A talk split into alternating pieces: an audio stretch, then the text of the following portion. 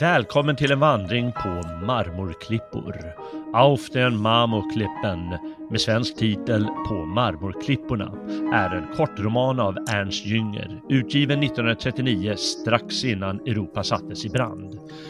I boken berättas just hur krig blossar upp i ett europeiskt område. Även om Jüngers roman således kan ses lite profetisk gestaltar den en arketypisk eller symbolisk händelse snarare än hans egen samtid.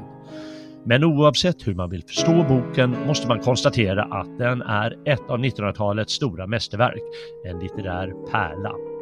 Följ med på en vandring på marmorklipporna där jag, Jade Horn och Gyngekännaren Lennart Svensson tar en närmare titt på Ernst Jüngers berömda roman.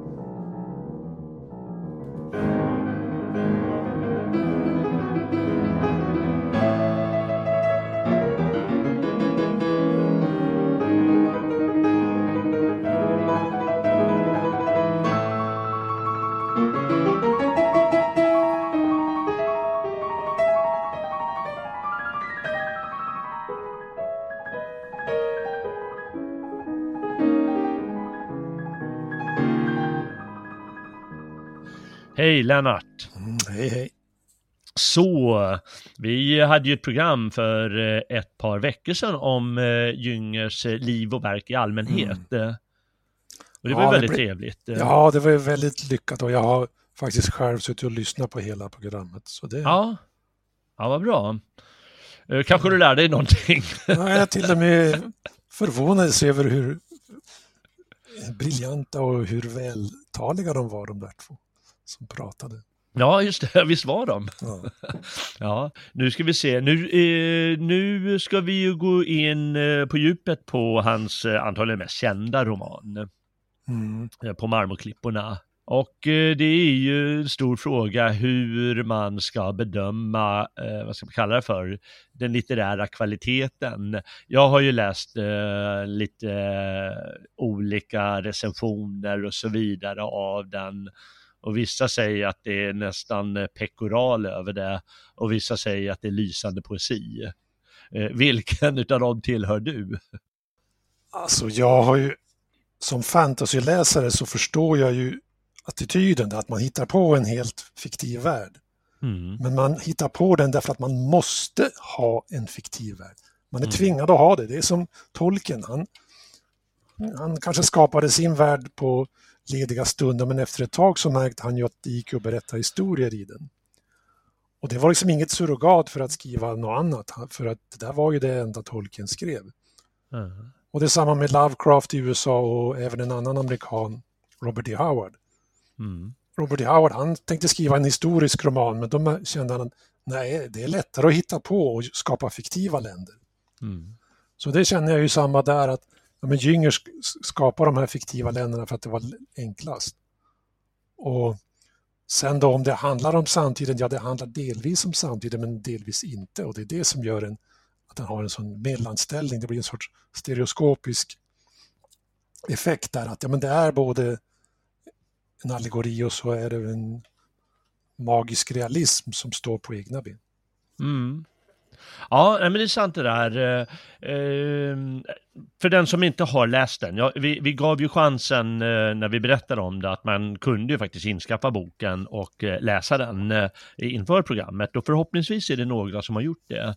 Men de som inte har läst den, de, ja, då, då får vi säga att den liksom utspelar sig i något sorts spekulativt eller halvt fiktivt Europa. Mm landet heter Marina och eh, den stora marina är någon sorts insjö eller innanhav eh, där i närheten och de här på marmor, marmorklipporna, det är väl nästan som en sorts bergskedja eller vad man ska kalla det för. Och eh, han, mm. han, han släng, slänger sig inte utan han använder lite påhittade namn för det hela. Delvis sånt som man känner igen som kampanjan, ja det låter ju som kampanjen. Italien mm. och så vidare. Eh, så det, det är som en fiktiv värld. Vi hör namnet Linné eftersom mm. han beundras. Då förstår man, aha, då borde det utspela sig efter 1700-talet. Men uppenbarligen gör det ju inte det, utan det är någon sorts svävande tid. Mm som man inte kan hitta vad det är direkt. Så det är både vår, vårt verkliga Europa och ändå inte. Mm. Och på det sättet kan man ju kalla det fantasy, men det skiljer sig ju helt från eh, fantasy-genren som vill ha rafflande historier. Mm. Får man ändå säga. Eh, utan det är ju mycket mer ett, ett, eh, vad ska jag säga, en inte en idé, men du sa någon allegori där, mm. eller han vill ge en annan känsla och förståelse ja, det... och det är ju väldigt mycket eh, tankar som förmedlas. Det är liksom en diskussion i romanens form av olika ja, moraliska och eh, lärdomsmässiga och historiska mytiska begrepp. Exakt. Och det kanske blir fel, det kanske, man kanske inte fångar det alltid om man då skulle ta vår krassa verklighet och försöka pressa in det i. Mm. Utan det kan väl också bli lite, ja men det blir lite halvdant och, och banalt. Eh. Ja, jag tycker i alla fall att det har gett väldigt hög poetisk kvalitet, eh, boken. Och jag, eh, jag tyckte all, från första gången jag läste den att mm. herregud, och andra gången likadant och tredje gången likadant. Så ja, den håller för mig ja. än. För mig är det inte pekoral, utan det är, eh, ja, det är ett litet mästerverk. Ja, jag känner också detsamma, att det, det finns en tonträff i det. Ja. Liksom Jünger, han gillar att gå runt i den här medeltids halvt gammeldags världen. Mm. Ja, det liksom... känns ju som det är lite liksom någon sorts medeltid. Ja. Eh, jag skrev någonstans, det kunde lika gärna vara tusen år före Kristus mm. Eh, som år 1700. Eh, mm. Jo, men liksom Jünger känner sig hemma där. Han, är liksom, han går som barn i huset bland alla de här gamla städerna och jordbruket och de rustika människor som man möter där. Och så, men så kan han, har han även skildrat en stad i det här då, och kan, han kan även trovärdigt skildra stadsmänniskorna. Mm. Så det där det, det, ja, det är en helt obeskrivlig mix alltså. Det, ja. ja. Men det har konstnärligt lyckat också. Det, det är inte någon konstruktion som bara hänger utan den har fog för sig. Och den blev faktiskt rätt mycket läst redan från det den kom ut, 39. Mm. Livligt läst och diskuterad så att han måste ju ha fått till någonting rätt. Ja, det måste, precis, det måste ju få till någonting och det är ju eh, många, jag läste då i de här recensionerna som tar upp det, att en, en svensk poet som Werner Aspenström, han säger att ja, ja men det är liksom bättre än Kafka och Kafka var ju väldigt inne på 50-talet när, när Aspenström var inne också. Och eh, så, så de största poeterna i Sverige i alla fall, mm. de mest hyllade då, kända, de anser att det här är ett mästerverk. Mm. Eh, och eh, ja, då tycker vissa det, men sen kanske, sen är det alltid beroende av lite tid och så och fantasy, med fantasy-genren i bagaget, då kan man ju tycka att aha, det här är ju fantasy och det är lite löjlig genre och vill man nedvärdera det så. Men som sagt, det mm. är ju inte en vanlig en fantasybok på det sättet som folk föreställer sig det. Nej. Vi får väl säga för de som återigen inte har läst den lite om handlingen och vi, vi blir eh, eh tvungna att eh, faktiskt eh, dra hur det slutar också. För mm. det är så viktigt för att kunna förstå vad han, eh, vad han talar om, eh, vad, vad, han vill problematisera Jünger. Och det är som sagt det, är det här spekulativa Europa. Jag har alltid sett det som typ Akvitanien eller något sånt. Eh, den trakten, men kanske lite närmare så att säga upp mot Tyskland till. Mm. Vad, vad, såg du för dig fram, eh, första gången? Jag hade ju läst om att han inspirerades av att han bodde i Sydtyskland. Mm. Och i Sydtyskland finns det en stor sjö, Tysklands enda mm. sjö som jag brukar tänka, Bodensjön. Mm. Och den är väldigt idyllisk, det är mycket blomster och fruktberg runt den. Mm. Och marmorklipporna skulle kunna vara Alperna då? Ja, det är precis, eller no, ja, någon sorts förberg till Alperna. Ja. Varifrån man då har utblick över den här marinan, alltså sjön och mm. de små städerna som um, omger den såsom, ja vad är det, Wilflingen och Goslar och ja mm. det finns ju även schweiziska städer runt där. Så det såg jag framför mig, men det är liksom det landskapet är hoptryckt då så att det är mer som ett diorama som man kan vandra från ena, bit, ena kanten till den andra under en par dagar eller så. Mm, så det har blivit mer fattbart. Ja. Men det var ju också så att han han, han hade någon dröm där det var 38, 39, han hade en, någon dröm av att han såg den här Bådensjön och så såg han ständerna, städerna var i brand. Och det mm. var liksom början till hela visionen, hela romanen. Ja, just det. Så jag, min blick är liksom förankrad där i någon sorts Sydtyskland. Men det, okay. det är naturligtvis, det är ju landet ingenstans, det är ju en helt... Ja, på något sätt är det det. Men, ja. Eh, men då, det är alltid skönt att få en bild för sig, framför sig. Och i det här området, eh, där bor det ett par eh, bröder, ett par klosterbröder, eller något liknande får man kalla det för. De bor i ett eremitage och mm. håller på med botanisk, eh, botaniska studier och lever i en sorts idyllisk tillvaro, får man kalla det för det är inte så här puttinuttigt, men eh, utan de har ju fester med, med befolkningen eh, några gånger om året och det är liksom gamla maskspel där man tar på sig fågelmasker och, och dricker vin, för de är ju mm. liksom jordbrukande, liksom en närvaro mm. till myllan och så och landet fungerar och det, det är liksom legalt eh, utan att vara vår moderna teknokratiska tillvaro. Utan, eh, ja, får man säga en sån tysk dröm, romantisk dröm på något sätt. Eh. Mm. Eh, men det börjar krisa sig i landet eller inte landet. Det är lite svårt att sätta fingret på vad det är som händer. Men ja, ibland kan det kännas som lite inträngande folk. Liksom om det är massan, det är någonting som bubblar bland folk i alla fall. Mm. Eh, vare sig det kommer från eh, liksom, landet bredvid där kampanjen eller vad det är. Och eh, det här läget då utnyttjar en person som kallas överjägmästaren. Eller i den nya översättningen överskogvaktaren. Oh. Tydligen heter inte jägmästare yrket längre utan skogvaktare. Ja precis, det där är hyperkorrektion men... ja. ja, vad ska man göra? De tar väl det. De, de, de vill, när man gör en ny översättning då vill man ju, man man vill bara använda ja. några nya ord och så. Men please, kalla honom överjägmästare. Ja, för oss är det överjägmästare. För det har en liten poäng i att i Tredje riket så var ju Hermann Göring rikets överjägmästare. Precis. Vi kommer han, till det snart. Ja, uh, han i alla fall överjägmästaren utnyttjar då det här läget när det bubblar och har sig och, och, och, kör igång ett krig kan man kalla det för.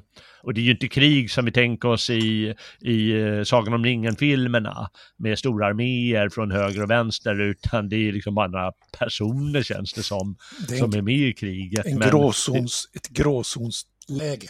Mm, just det. Men som sagt, det är ju en symbolisk roman mer än en liksom, eh, som vill realisera eller visualisera mm. sådana stora jo, men han, krig. Riktiga, ett något mer öppet krig bryter ut på slutet.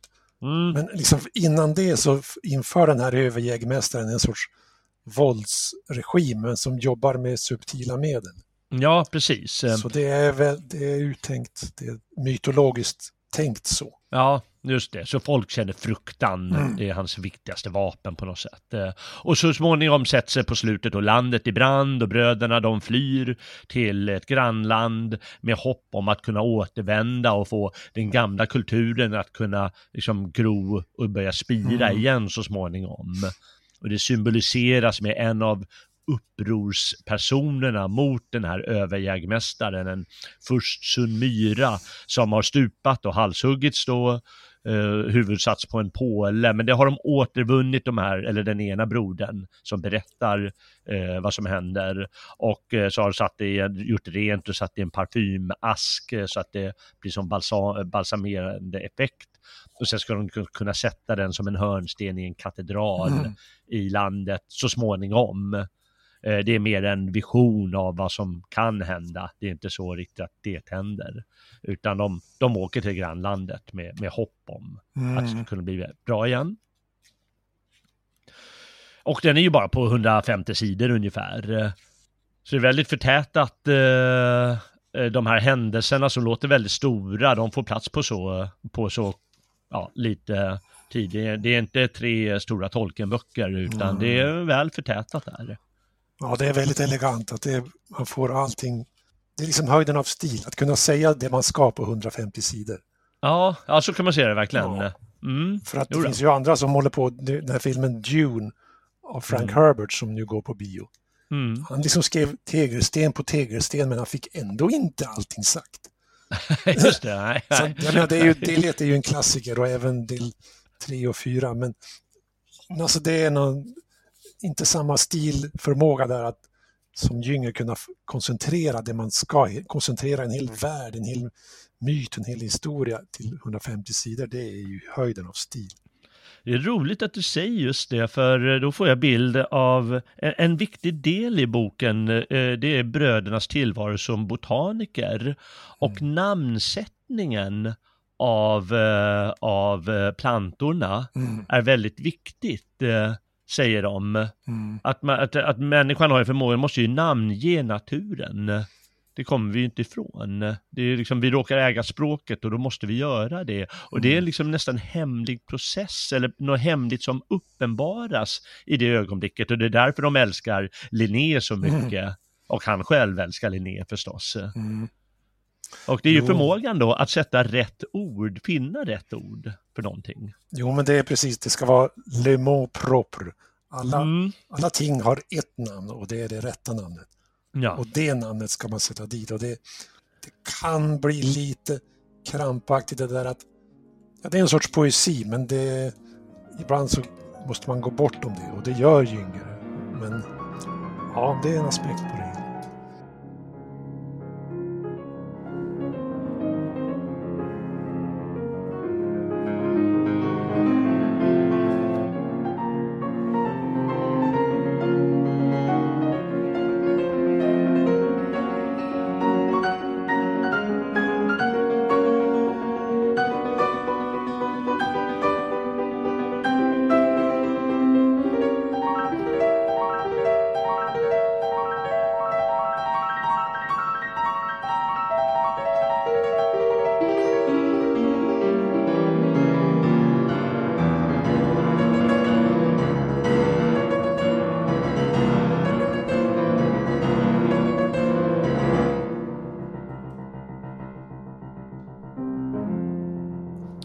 Sa ju det här med, med Göring där och det är lika bra vi tar det från början här.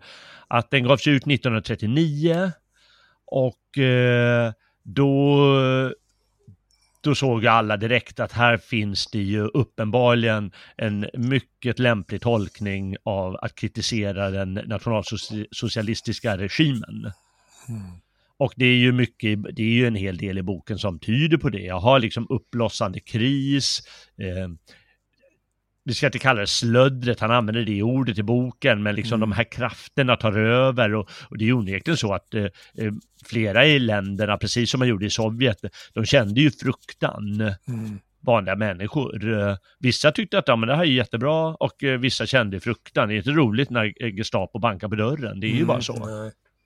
Då är man ju då är man inte Jacques de Kask längre.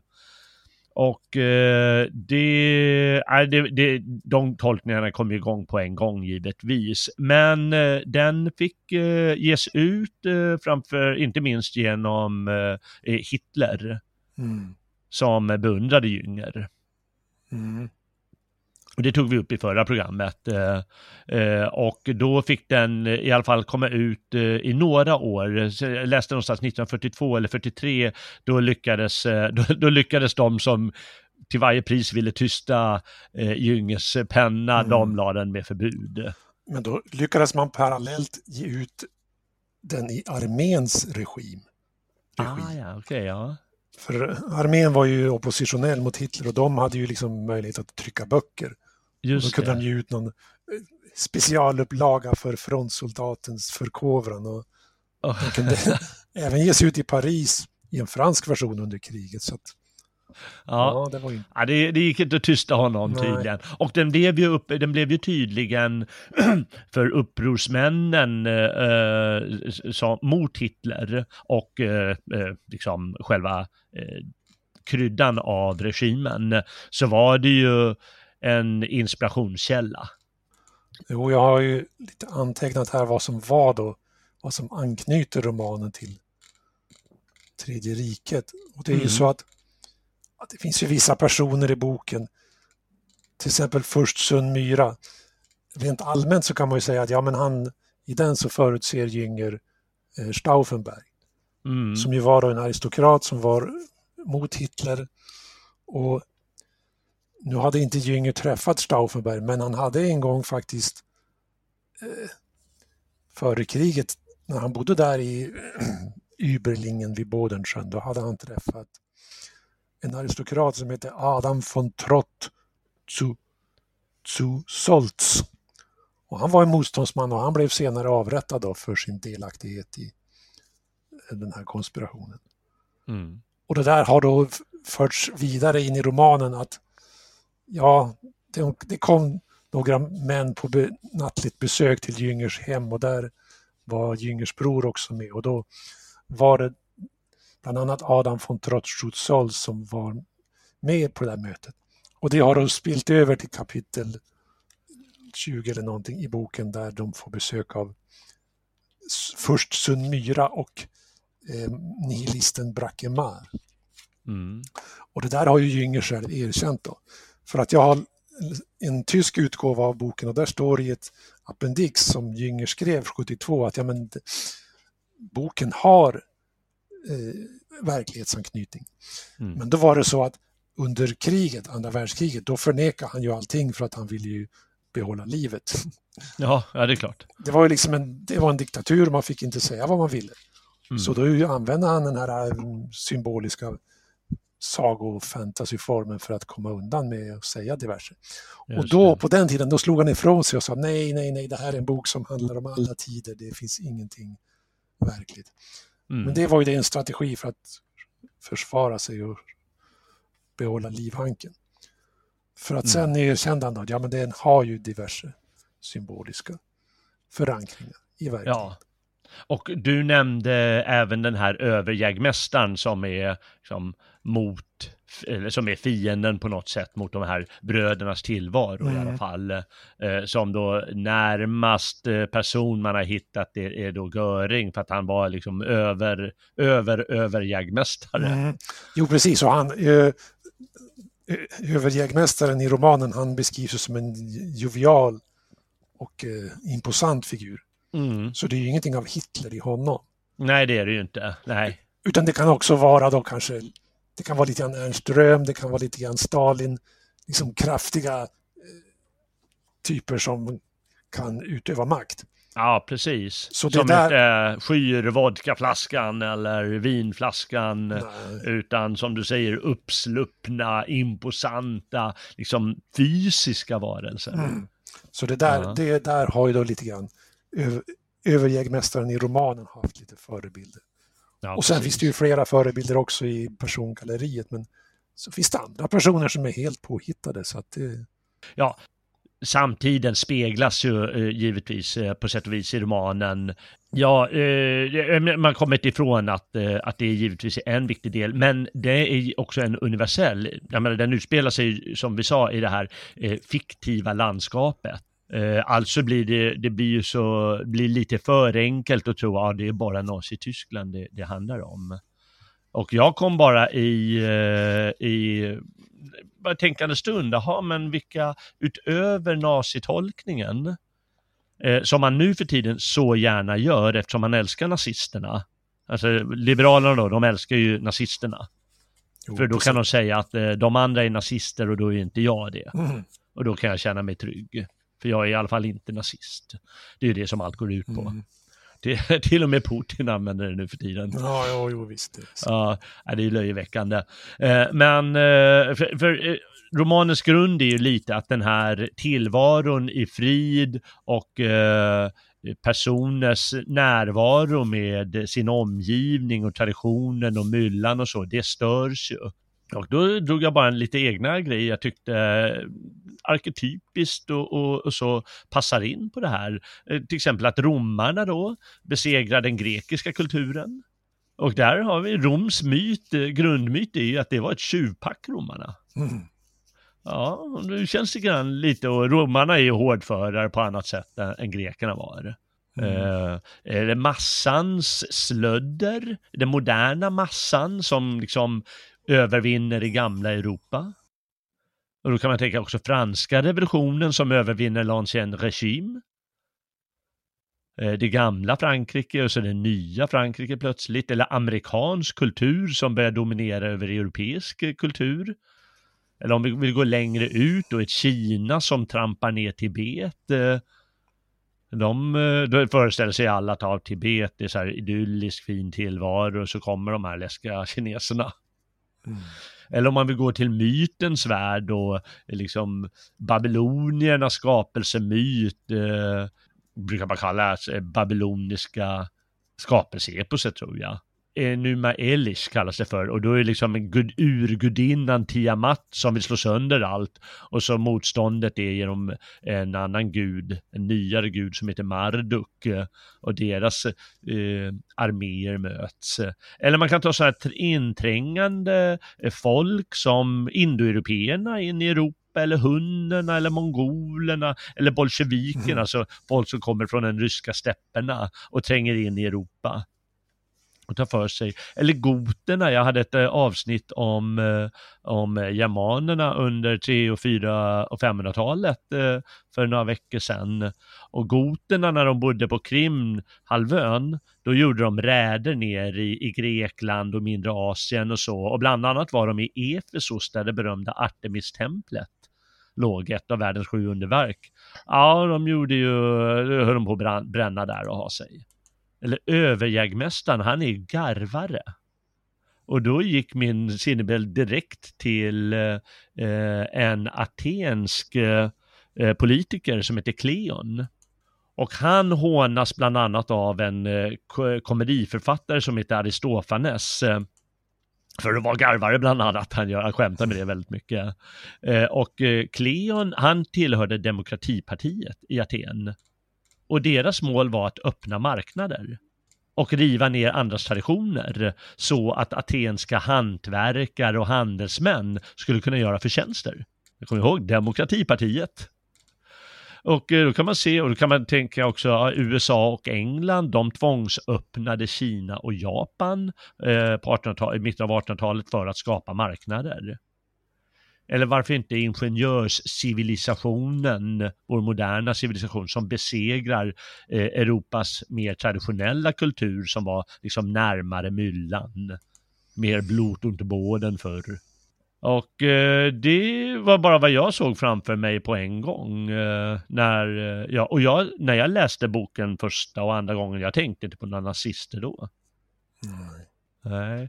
Så eh, jag menar bara att den öppnar för många eh, möjligheter. Precis, och det, när jag läste den och hade tänkt lite på den, då tänkte jag, ja men det här är lite samma som Tolkien. Att Tolkien han såg en värld gå under, den gamla fina världen. Mm. Och den ersattes av modernisering och en annan människotyp. Mm. Liksom eh, Mordor, Sauron, Orcher. Mm. Och Jünger han såg lemurer, det är någon sorts halvapor som är i överjägmästarens såld. Och det är det att, ja, tolken behöver inte nödvändigtvis skildra Tredje riket. Alltså man kan ju läsa det så. Men mm. man kan ju lika gärna läsa det som att han skildrar stalinismen mm. eller något annat. Eller mm. und so weiter, und so weiter. Det är något sorts tidlöst där att jo, men det är den gamla fina, gamla goda tiden med rötter i framförallt 1800-talet och sen längre tillbaks. Mm. Den här retoriska prosan, poetisk prosa, poesi, vällevnad, vin, god, goda middagar. En, en känsla av att man hör hemma i ett, en trygg kultur. Och sen kommer den nya tiden och bryter in. Mm. Och det är ju, och då behöver man inte programmatiskt tänka på eh, Hitler hela tiden, utan det är någonting annat som, någonting större som, som gör att den här romanen och även Tolkiens roman liksom går att läsa av generation efter generation. Ja, jag tycker det. Eh, och nu för tiden i synnerhet eh, tycker jag att det finns väldigt stort problem med den här eh, nazisttolkningen. Jag bara läste i senaste eh, den här översättningen av, eh, vad heter den nu, hans första världskrigsbok, I stålstormen ja, då skriver förläggaren Peter Luthersson, eh, de är förläggare för det förlaget som gav ut den, eh, han skriver en inledning och eh, då handlar mestadelen om hans tolkning av just den här boken istället. Mm. Jag förstod inte mm. varför, men han var tvungen att göra det.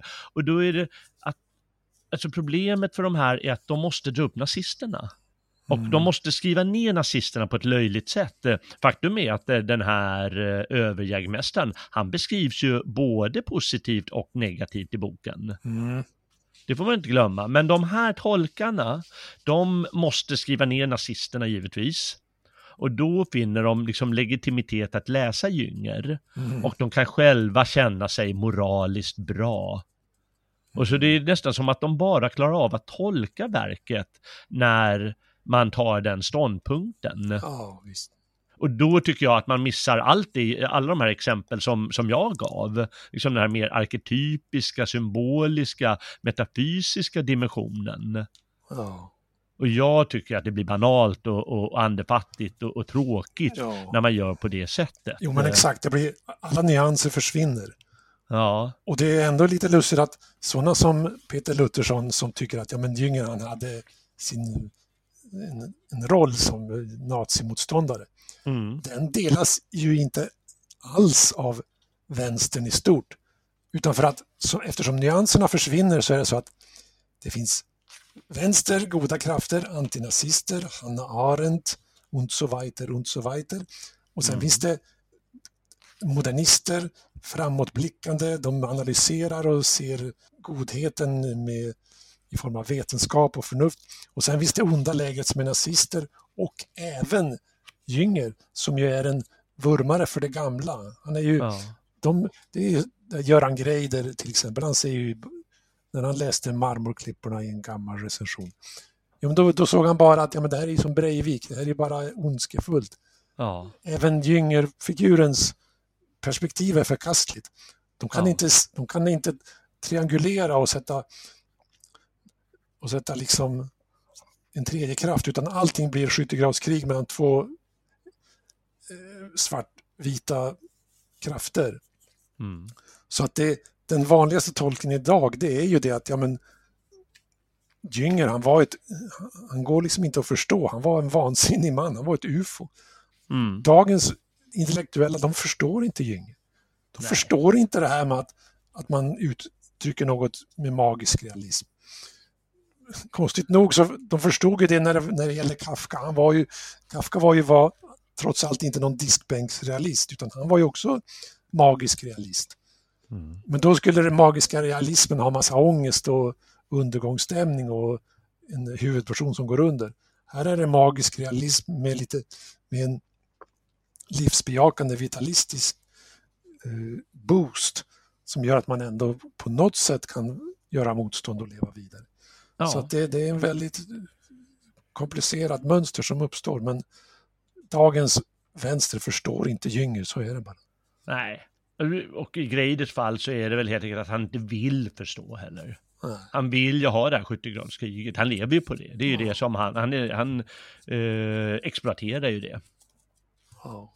Och det, så det, jag tycker i alla fall att det blir väldigt löjligt eh, och eh, det blir framförallt tråkigt. Eh, man kan ju bli arg så här politiskt, men, men för, från en mer kulturell eh, synvinkel så blir det bara, det blir bara andefattigt. Det finns mm. ingenting som är så tråkigt.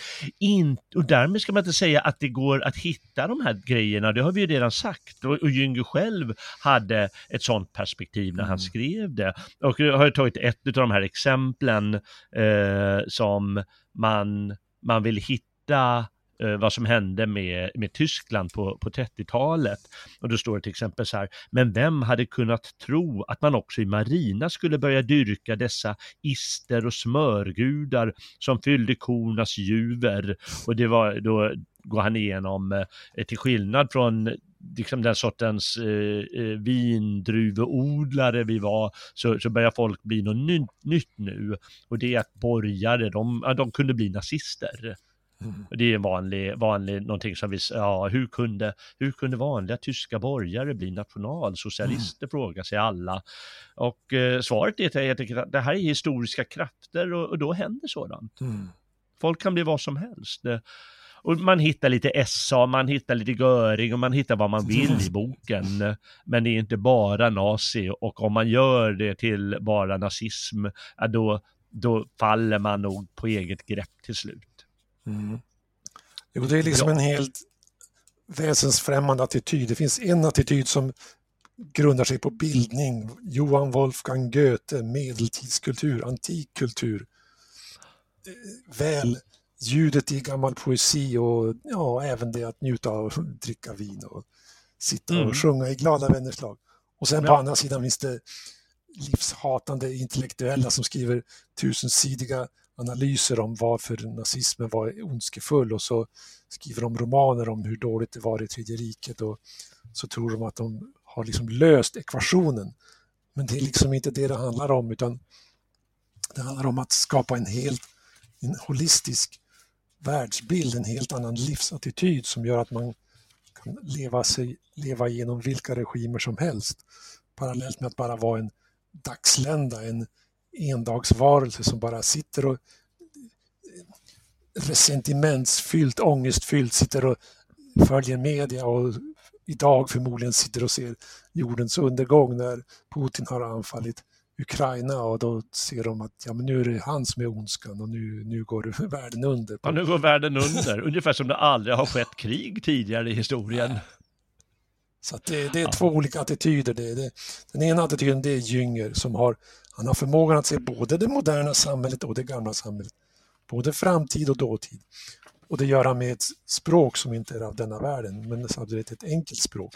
Mm. Och så sen har vi på andra sidan har vi analytiska intellektuella som skriver tjocka böcker och som skriver långa meningar och som försöker analysera saker men de har mycket trubb, det är allt för trubbiga instrument. De är inte, de är inte rustade att möta 2000-talets utmaningar. För Nej. på 2000-talet kommer gudarna tillbaka som Jünger har sagt. Ja, och det, kan man, det kan man inte möta med analys och eh, med att bara bena upp varenda liten obetydlig händelse, utan det måste mm. man möta med själen och med andliga krafter.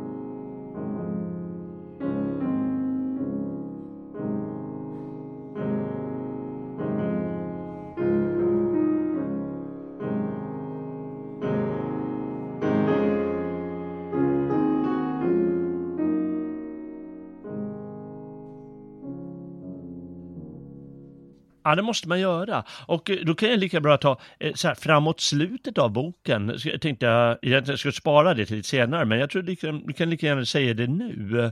Eh, liksom, du säger att förmågan att se verkligheten för vad den är och inte bara säga att ah, nu går världen under och, och nu ska vi göra eh, de här fåniga analyserna som bara blir tekniska, utan man måste ha en själslig för, förståelse för, för händelser, vare sig man tycker de är bra eller dåliga, mm. eller fruktansvärda eller vad som helst. Och det är klart, det är fruktansvärt eh, för, eh, för ukrainarna det som händer. Eh, men då berättar berättaren på slutet här vad som händer när de, när de ser sin värld mer eller mindre gå under. Och då säger han, medan vi betraktade eremitaget upplystes plötsligt dess fönster och på gavelsidan steg en flamma upp i jämnhöjd med marmorklipporna och marmorklipporna ligger liksom som en bakgrund till eremitaget. Eh, dess färg påminner om lågan på Nigromontanus lampa och det är liksom ett föremål i boken, djupt dunkelblå och dess krona var flikig som eh, gentianans kalk, det är en blomma alltså. Här såg vi många års arbetsresultat bli elementens rov. Allt vårt verk föll samman till aska. Men vem kan räkna med någon fullbordan här på jorden? Lycklig bör den prisas vars vilja inte alltför häftigt är förbunden med strävandet. Varje hus som bygges, varje plan som utstakas, allt är bestämt till undergång och det som är oförgängligt i oss, det vilar inte i vårt verk. Med friska krafter skyndade vi vägen framåt. Det var ännu mörkt, men morgonkylan steg redan från vinkullar och strandängar. Firmamentets glöd var på väg att mista något av sin olycksdigra kraft. Den började blandas med morgonrodnad. Och det säger ju ganska mycket om inställningen. Att världen går inte under. Utan mm. Vi, vi kan skapa på nytt och vi kommer att göra och det är ofrånkomligt att saker och ting händer. Mm. Och han lyckas skapa det liksom med den här formen av språk eh, och, och små betraktelser. Eh, vilket jag tycker är, är, jag blir upplyft när jag, när jag läser eller hör det här. Jo, det är precis, det är med språket som verktyg, med, med ett nämnvärt språk, med ett, med ett poetiskt språk som man verkligen kan bekämpa demonerna. Ja, men även genom bejakelsen av händelser. Mm. Och inte hela tiden det här förnekandet. Vi lever ju väldigt mycket i förnekandet. Även folk på både höger och vänsterkanten. Ja, ah, nu gör de och det är så dåligt. Och de gör det nu och det är så dåligt.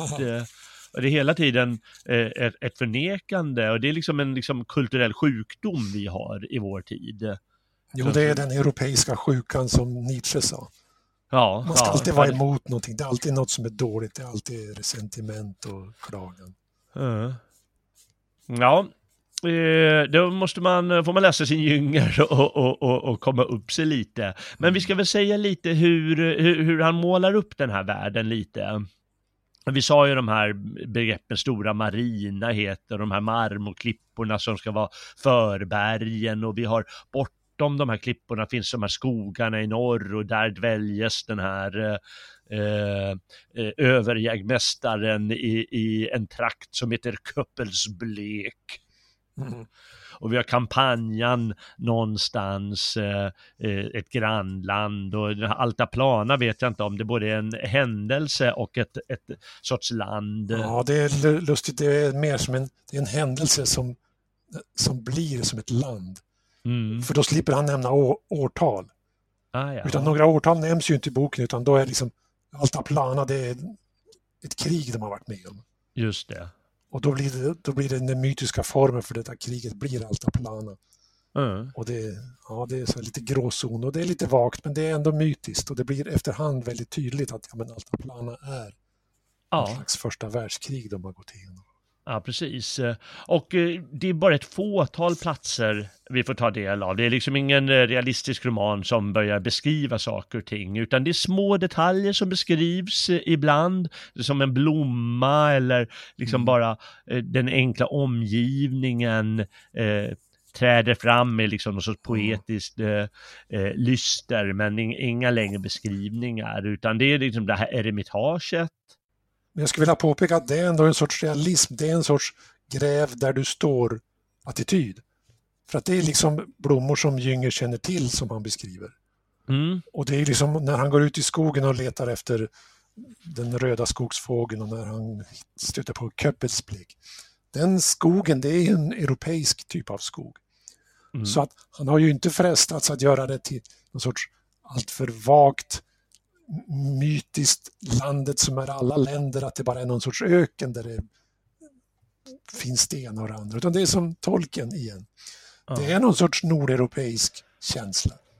Ja, det, är där, det är där som jag tycker det är så läckert att han har ändå till slut valt att begränsa sig att ja, men det här det är nordeuropeisk flora och fauna. Mm. Och då är det utgångspunkten, men det växer till en myt som mm. är tidlös. Mm. Ja men det är sant det du säger, man känner ju direkt att det, det utspelar sig här uppe i, i, i nordvästra Europa på något sätt. Mm. Här någonstans, ja.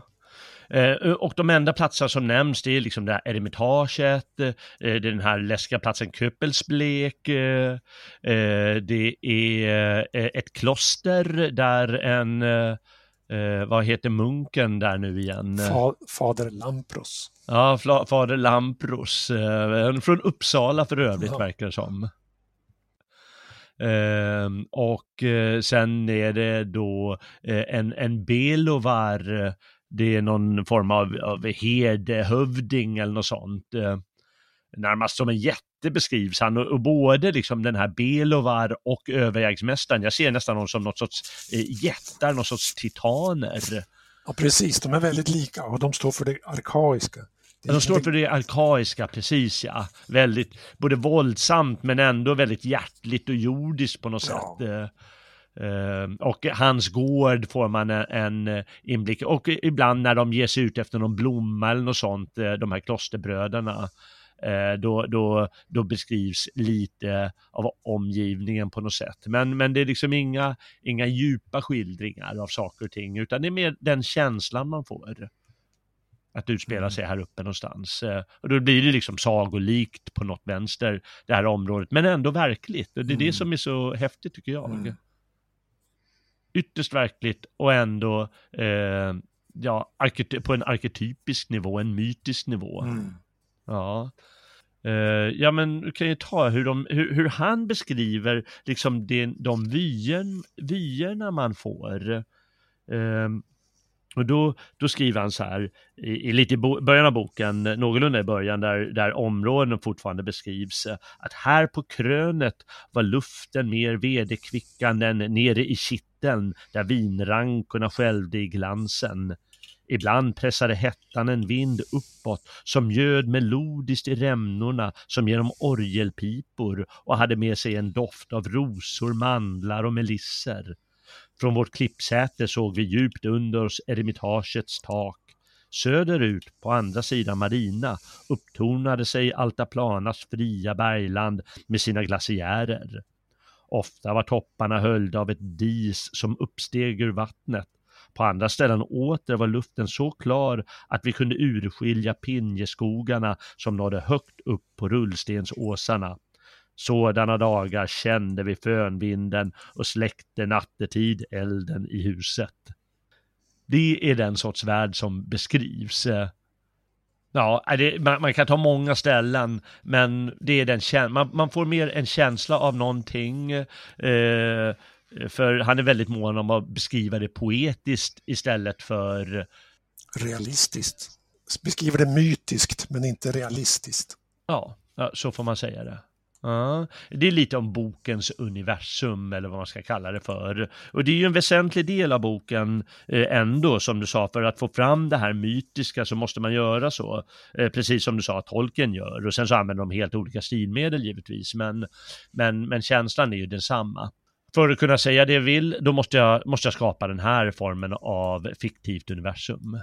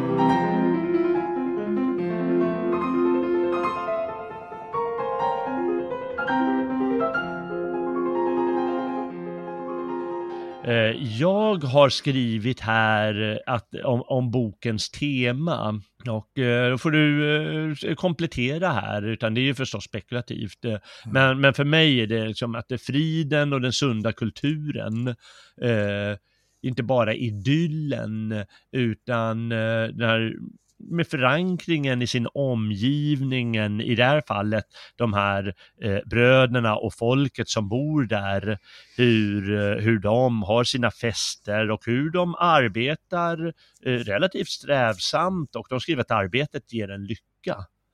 Vare sig man håller på med botanik eller om det är, är fågelfängaren eller, eller vad det är.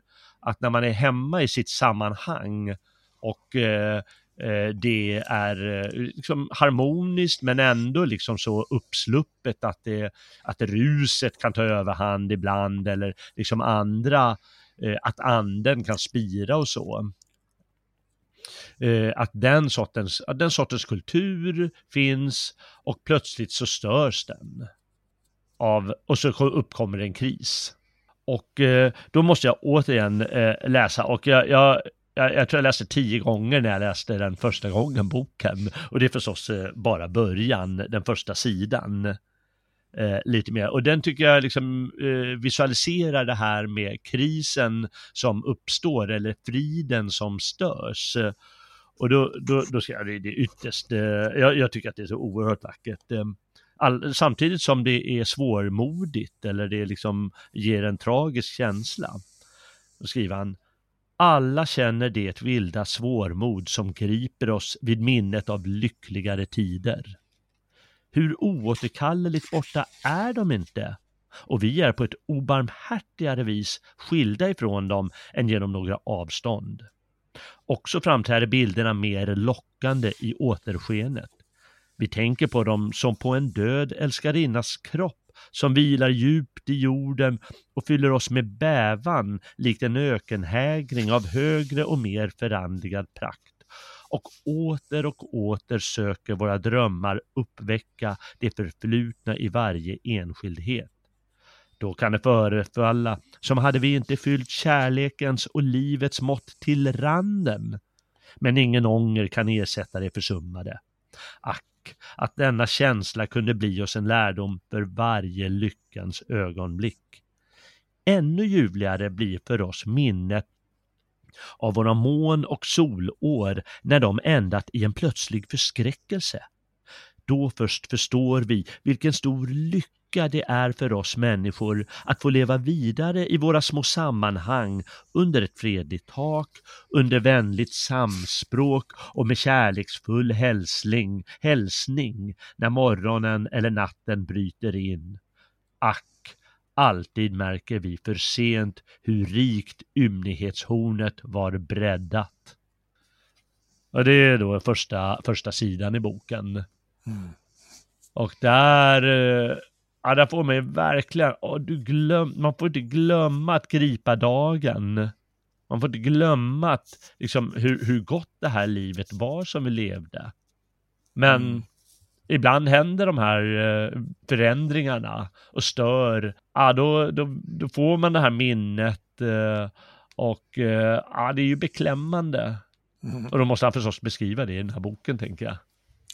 Och du sa ju att han hade haft den här drömmen hur eh, den här världen hade brunnit ner. Mm. Jo, han hade ju liksom i sitt hem där i Überlingen så hade han först fått besök av Adam Trotz Stolz och så sen några dagar senare så var han på en fest hos någon annan bekant där nere. Och så drack han då rätt mycket gynger. Och i den där rus, ruset i drömmen så drömde han väldigt klart och så såg han hur Bodensjöns eller Marinans städer stod i brand. Mm. Och då är, ja, det gav honom en sorts vägvisning att ja, men det här ska jag skriva om. Det här ger tolkningssättet för en massa andra visioner han hade på den tiden. Mm. Och så måste man ju se det på många sätt att det är ju en vision. Mm. Det är ju inte en eh, ja, det är ju inte en verklig händelse på det sättet. Ja, det, alltså, det, är, det är en helt enastående roman. Den har en, sin grund i en ovanlig tid och den har sin grund i en ovanlig författare, Jünger. Samtidigt är det så att kring den här tiden så, så hävdar jag att, utan, utan att jag har några bevis för det, men jag hävdar att kring 38-39 det gavs inte ut några många st stora romaner då.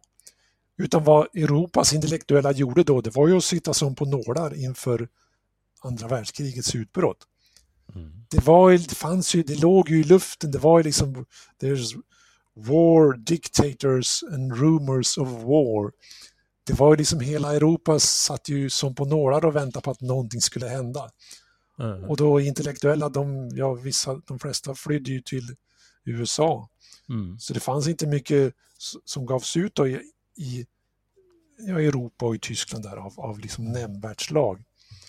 Men det fanns Jünger och han sitter och skriver den här svepande, melodiska, vemodiga inledningen till, på marmorklipporna och det är liksom helt enastående. Det, det går inte att beskriva. Ja, Man kanske får sätta det då i, eh, vad heter det, i sammanhang med, med två andra som klarar av att eh, just skriva eh, nästan sina bästa böcker då. Thomas Mann, han flydde till Amerika som, mm. eh, som vissa gjorde, som skrev Dr. Faustus. Det kom ut strax efter kriget eh, förvisso, men jag skrev den under kriget. Och Hermann Hesse som skrev Glaspärlespelet, också då mm. under kriget. Jag tror den kom ut 43 faktiskt. Jag är lite osäker. Det var några eh, få som kunde formulera det, men de flesta de flesta, nej det är sant att du säger att det inte är så mycket som kommer ut utan det är bara de största andarna. Ja, det var samma sak efter kriget. Efter kriget så var ju Tyskland helt nästan tomt på intellektuella. Och de intellektuella som fanns, de, hade, de var ju under publiceringsförbud. Men mm. 1949 kom Jüngers roman Heliopolis. Det var samma sak där, det gavs inte ut några andra tyska författare av nämnvärt slag då. Nej, och Heliopolis är en slags fortsättning på Marmorklipporna. Det, det, är samma attityd, det är den retoriska stilen som vinner mark faktiskt. Den är effektiv på sitt sätt. Och, ja. i, och i Heliopolis, ja men där är också en, en, en klassiskt bildad gentlemannatyp som strider mot mörkrets krafter. Och det gör han det i en science fiction-form och jag tycker den är väldigt effektiv. Mm. Alltså den romanen är väldigt tjock och den innehåller lite nästan stela partier där karaktärerna sitter och föreläser för varandra. Mm, Men det har på något sätt, det där har, det har dels kommit ut en förkortad version på tyska då för att komma till rätta med det där.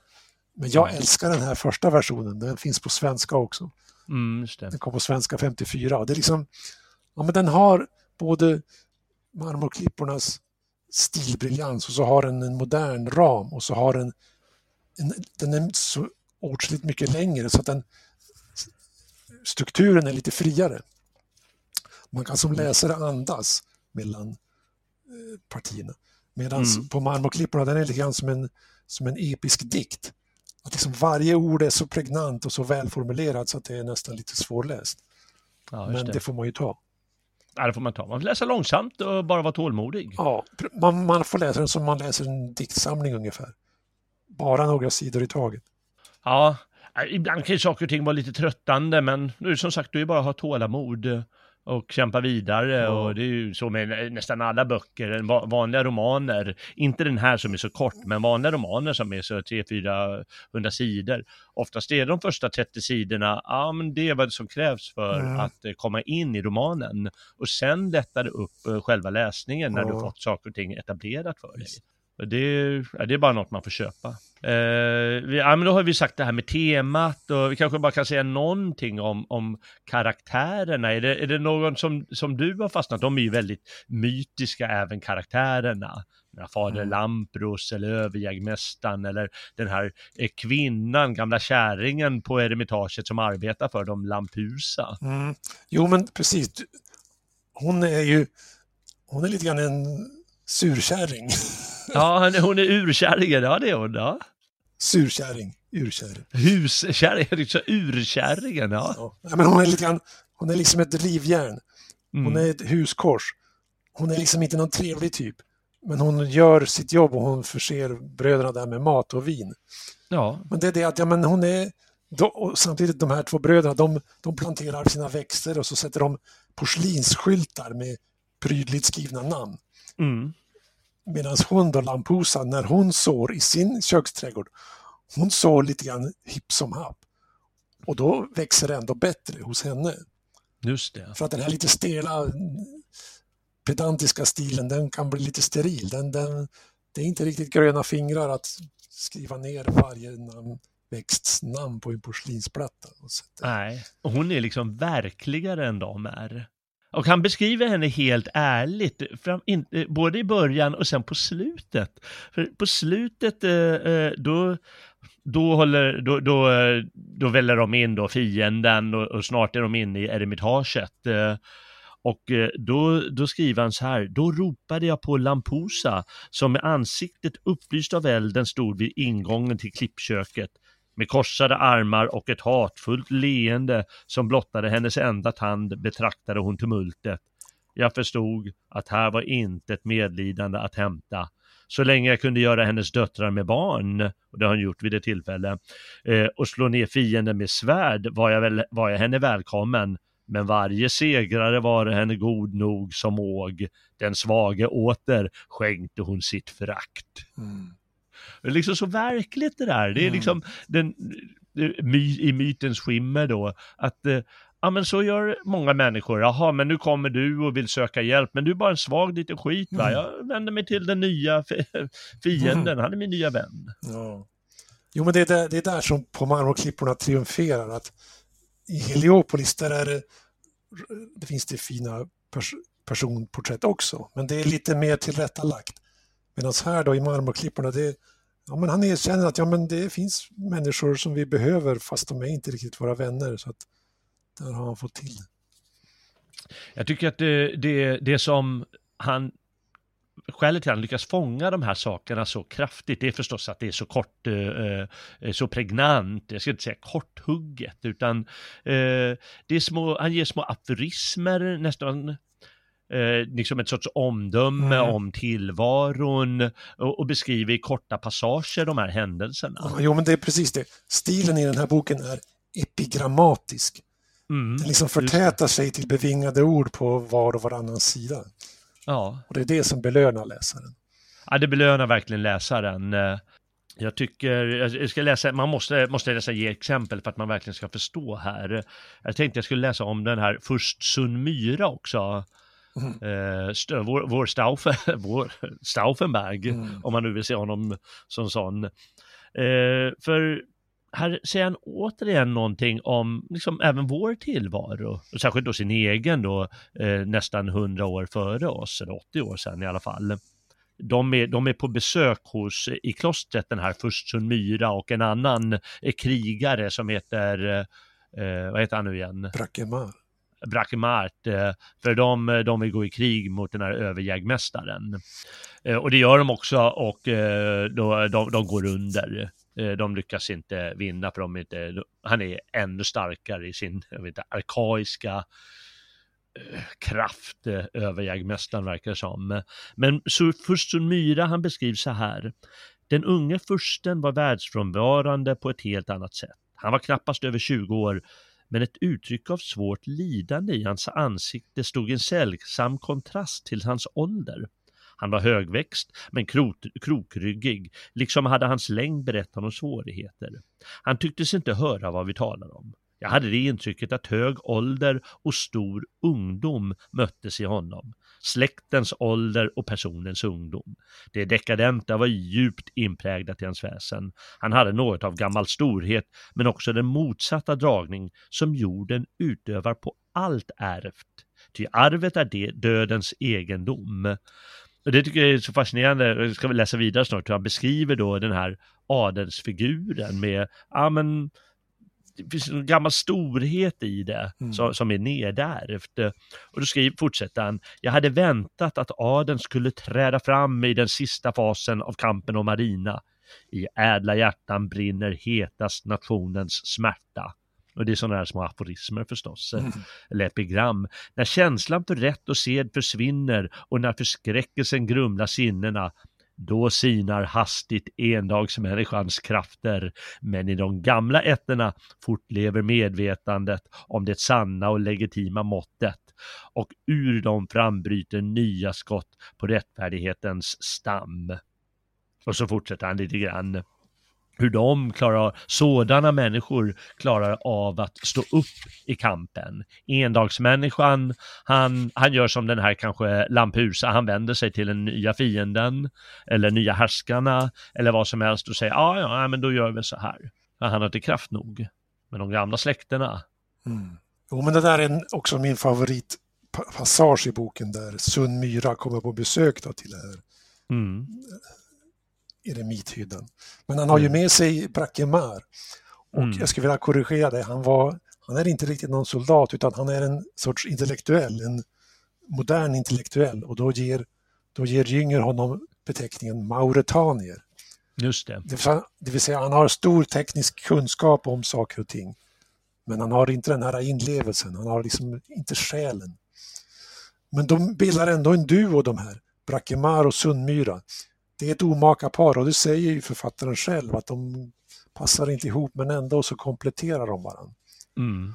Och ja, hur Brackemar skildras, det är liksom det är lite grann som, det är lite grann Jünger själv som han var på 20-talet, att han var ju lite grann åt det här så kallat mauretanska hållet. Ja, han bejakade den tekniska utvecklingen. Och det säger han även i romanen där, att ja, men vi tillhörde mauretaniernas orden. Just det. Det är liksom där vi hyllade styrkan och vi såg ner på svagheten. Mm. Men då blir det ändå den här Brackeman, han blir ändå en sorts hjälte.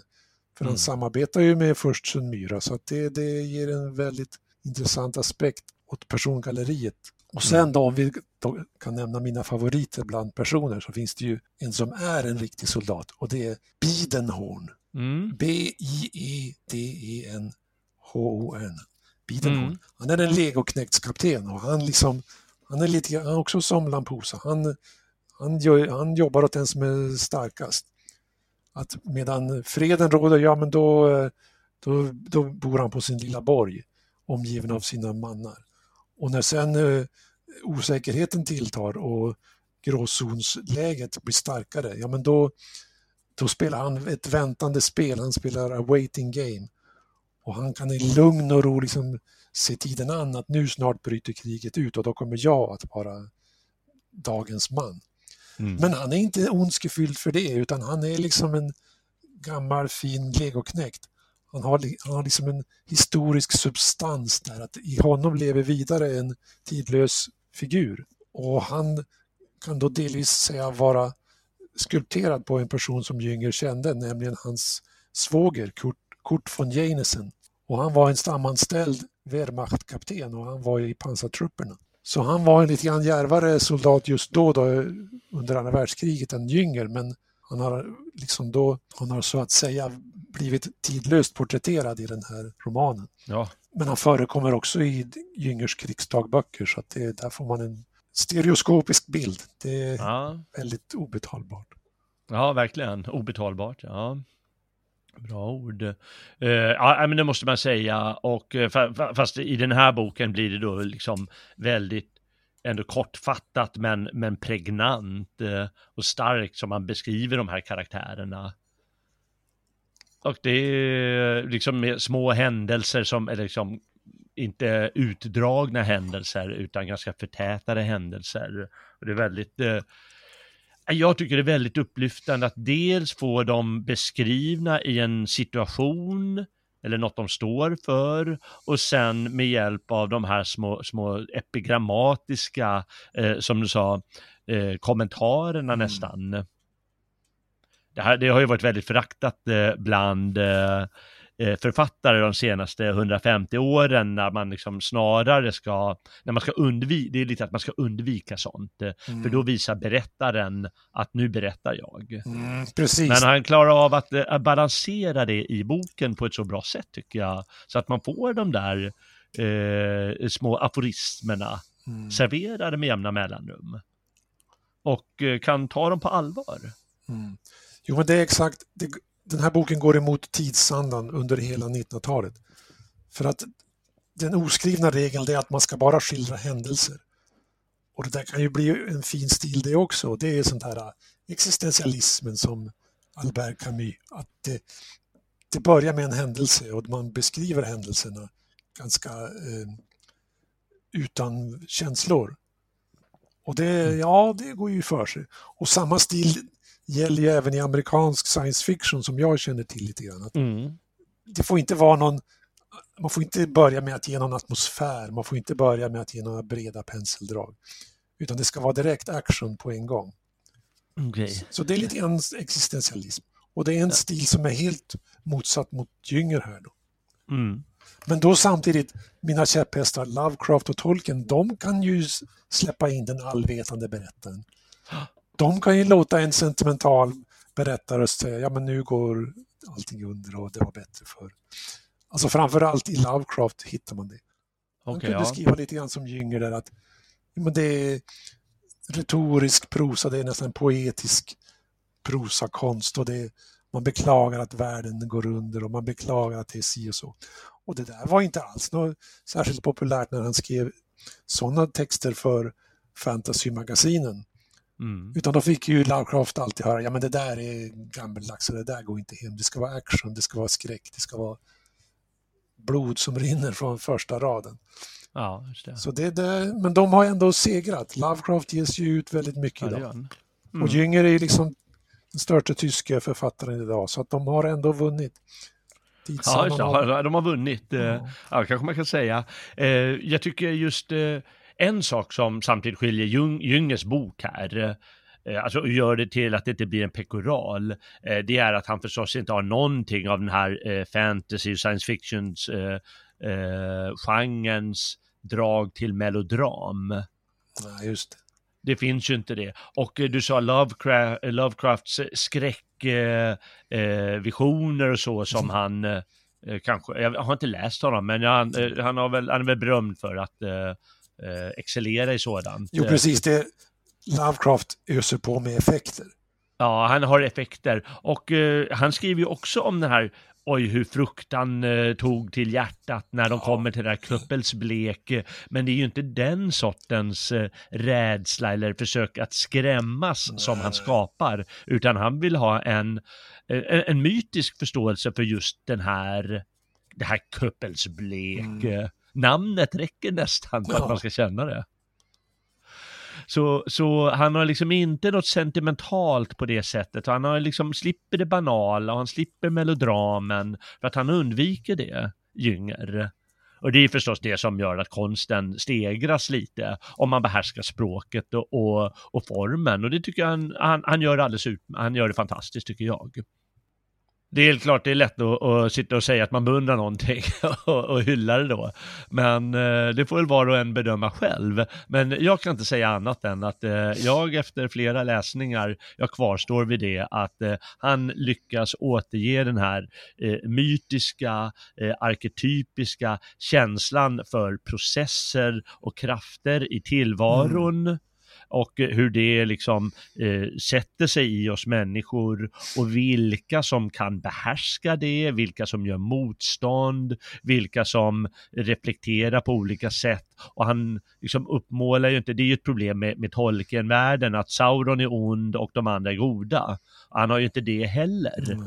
Han säger att eh, överjägmästaren är i grunden ond, eller mauritanierna rent av är i grunden onda.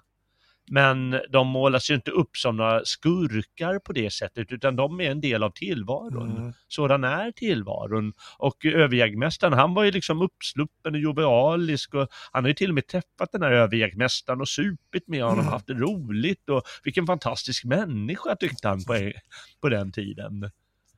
Så liksom allting är inte, är inte svartvitt utan mm då, då, då fångar man någonting i tillvaron som är, som är sant, tycker jag. Och han gör det bra, anser mm. jag. Jo, men det är det att den här boken är övertygad, men sen kan det vara så att det finns alltid en typ av läsare som inte köper det. Ja. det är liksom, vissa läsare kan inte ta till sig sagan. Det är samma med tolken. Det är, vissa gillar inte Sagan om ringen, de gillar inte ens filmerna.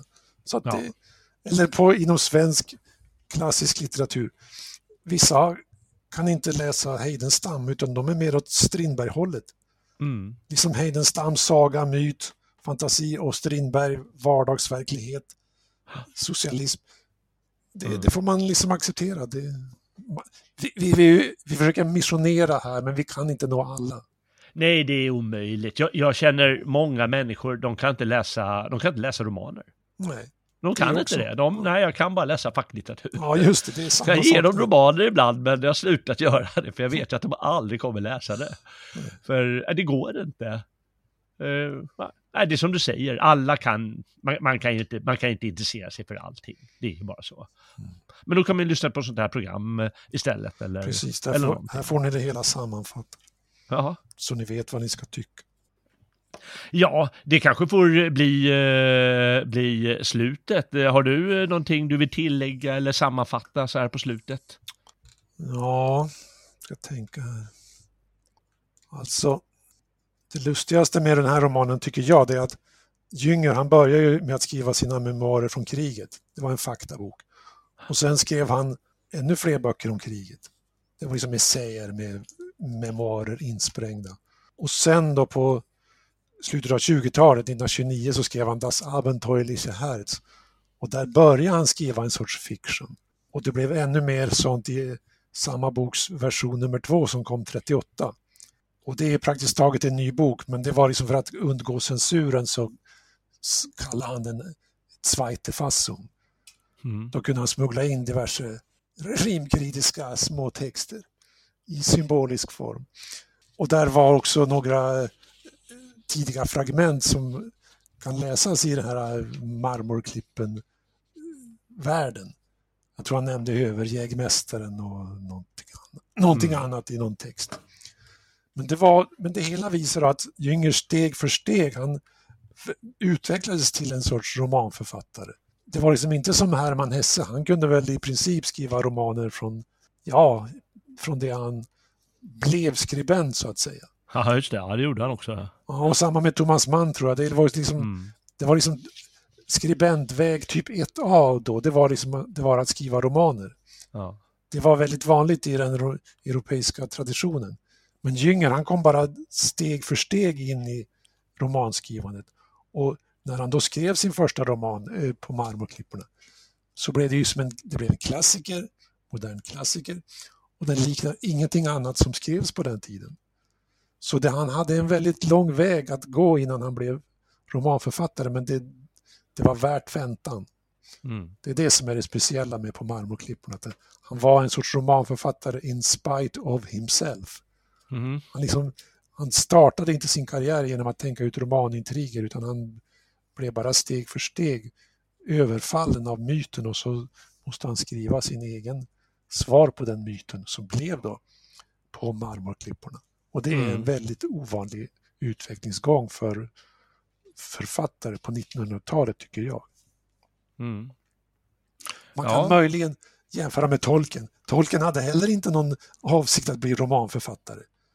Men då visade sig att den fantasivärld som man skapade på lediga stunder, den lämpade sig för att ett, berätta en saga för sina barn som blev Bilbo och så sen kom förläggaren på att ja men den här Bilbo som vi nu har gett ut och som sålde så bra, kan du inte skriva en fortsättning? Ja du, det kanske jag ska göra, sa tolken. Så han blev också en sorts romanförfattare in spite of himself. Mm. Och det blev en klassiker. Mm. Ja, är det tur att de, att de tar itu med sin vision eller den här uppmaningen, mm.